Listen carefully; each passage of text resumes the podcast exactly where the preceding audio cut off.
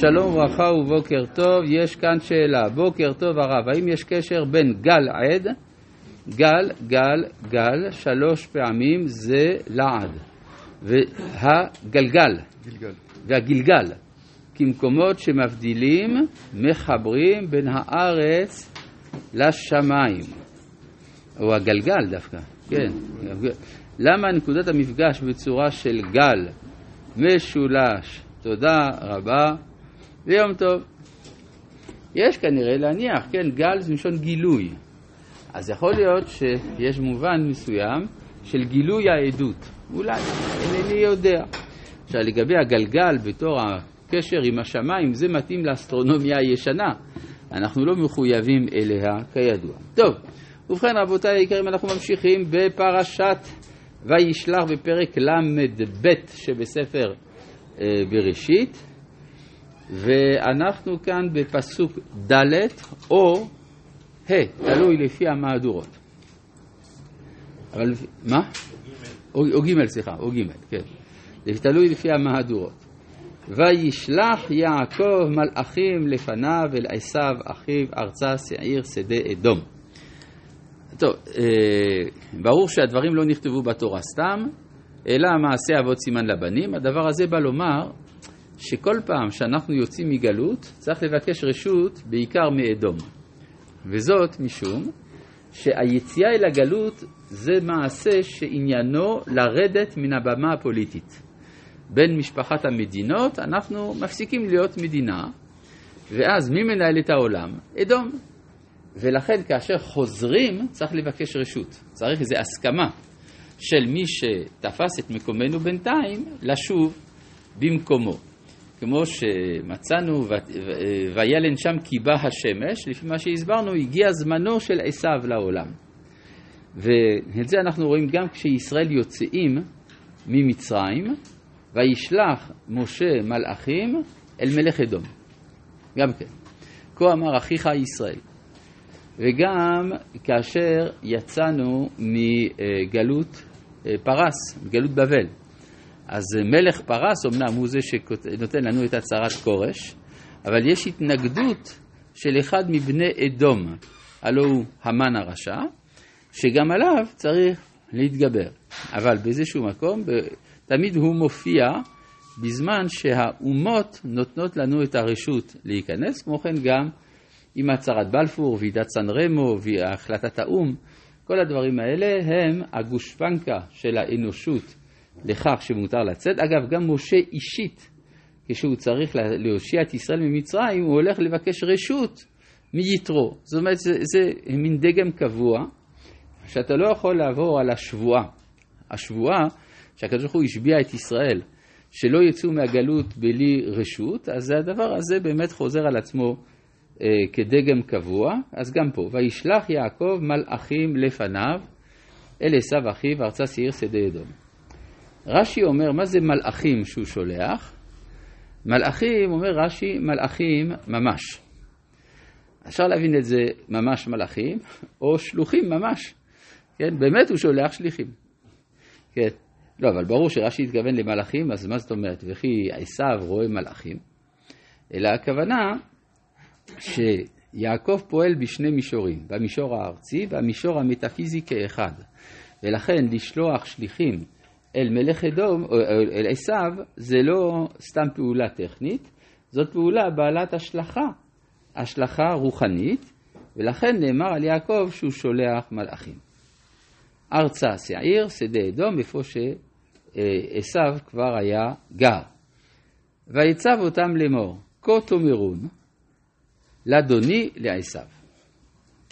זאת אומרת, תגידו לעשיו שהוא אדוני. כה אמר עבדך יעקב. אז הביטויים האלה הם ביטויים קשים. יש ב... הרמב"ן אומר שזה השורש של נפילת מלמלכת החשמונאים בידי רומא. זה התחיל מזה.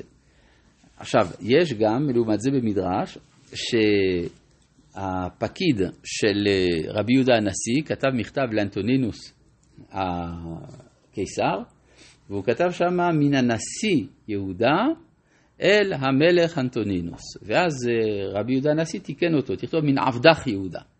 אמר לו, מה אתה מזלזל בעצמך? אמר לו, וכי טוב אני מיעקב, שאמר, כה אמר עבדך יעקב. אז יש תמיד שאלה איך לשפוט את זה. זה ברור שההתנהגות של יעקב, יש זמנים שהיא ראויה, יש זמנים שהיא לא ראויה. אבל זה אומר שאנחנו בעלי זהות מודולרית, שלפעמים מתנהגת בהכנעה, לפעמים מתנהגת בגאון. מה שאומר הרמב"ן, שבגלל, כה אמר עבדך יעקב, בגלל זה נפלה ממלכת החשמונאים, זה לא בא להגיד במובן של חטא ועונשו, כי זה לא חטא מצד יעקב, אלא זה אומר שלא תמיד, שזה העמידה שלנו מול אדום איננה יציבה, ולכן היא יכולה גם להזמין את הנפילה של ממלכת חשמונאי בידי רומא, ולפעמים באמת ההתנהגות הזאת היא הראויה וזה לא הזמן להרגיז את הגויים. אז זה גם ההבדל בין ישראל לבין יעקב, שם זה אחיך, ישראל פה זה עבדך יעקב, כשאני יעקב בשפלות, אז אני עבד. יפה, יפה, יפה. זאת אומרת שאתה אומר שכשישראל אז זה אחיך. כשזה עבד זה עבדך, כלומר כשזה יעקב אז זה עבדך, נכון, נכון, אכן כן. עם לבן גרתי, ויחר עד עתה. עם לבן גרתי, יש אה, דרשה שמובאת ברש"י ישן. כשכתוב רש"י ישן, הכוונה שזה לא רש"י כתב, אלא אדרבה זה משהו מאוחר. כן, במהדורות המדויקות זה לא מופיע, אבל במהדורות הלא מדויקות זה כן מופיע. עם לבן גרתי, תרי"ג מצוות שמרתי. גרתי, תרי"ג.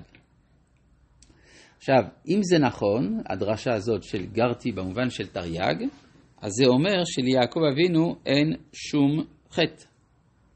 כתוב גרתי, תרי"ג מצוות שאמרתי, אז אין לו שום חטא. ואז נשאלת השאלה, למה הוא מתיירא מעשיו? כן, כתוב בהמשך שהוא מתיירא, וחז"ל אמרו שהיה מתיירא שמה יגרום? החטא. נשאלת השאלה, איזה חטא? כן? הרי אם הוא תרי"ג מצוות שאמרתי, אז אין לו חטא. אז אפשר לומר, אה, גרתי, שאין לו חטא, אבל הוא מתיירא ממשהו אחר. הרי כתוב, אם לבן גרתי, ואיחר עד עתה. הרי ברור שהטענה בגלל שהוא אה, לקח אה, שתי אחיות איננה נכונה. לפי הרמב"ן, שבחוץ לארץ הוא לא היה מחויב במצוות עשה. או הטענה שהוא לא כיבד את אביו, זה לא נכון, בגלל שמי ששלח אותו זה אביו. ו... ו... וגם הייתה לו הבטחה, ושמרתיך בכל אשר תלך, אחרי שהוא עזב את אביו. עוון חוץ לארץ זה לא נכון. הרי גם כשהוא יוצא לחוץ לארץ יש לו הבטחה אלוהית. אז מה החטא שהוא מתיירא ממנו? אלא כתוב ככה, אמר, כה אמר עבדך יעקב, אם לבן גרתי ואיחר. עד עתה. האיחור הוא זה שמעמיד את יעקב במצב של חולשה. אם יעקב היה חוזר בזמן, עשיו לא היה מקים לו צבא, לא היה מספיק.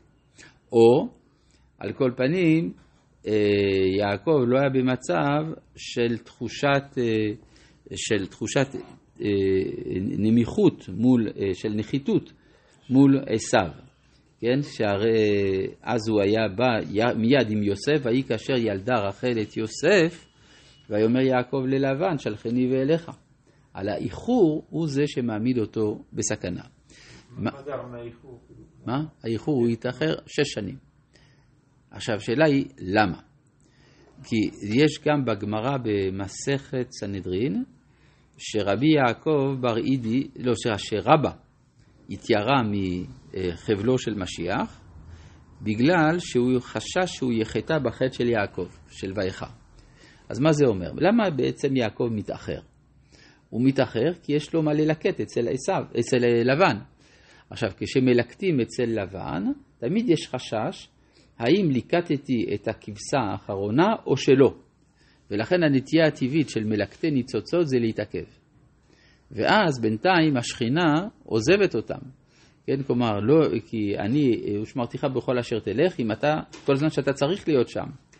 אבל ברגע שהוא מתעכב מעבר לזמן שבו הוא ראוי להיות שם, אז הוא מסתכן בשואה.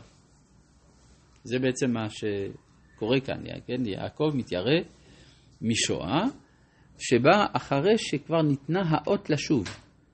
כי כל זמן שלא ניתנה האות לשוב, לא נולד יוסף, אין בעיה. אבל ברגע שיוסף נולד, אז יש כבר איזו תביעה, מדוע אתה לא חוזר.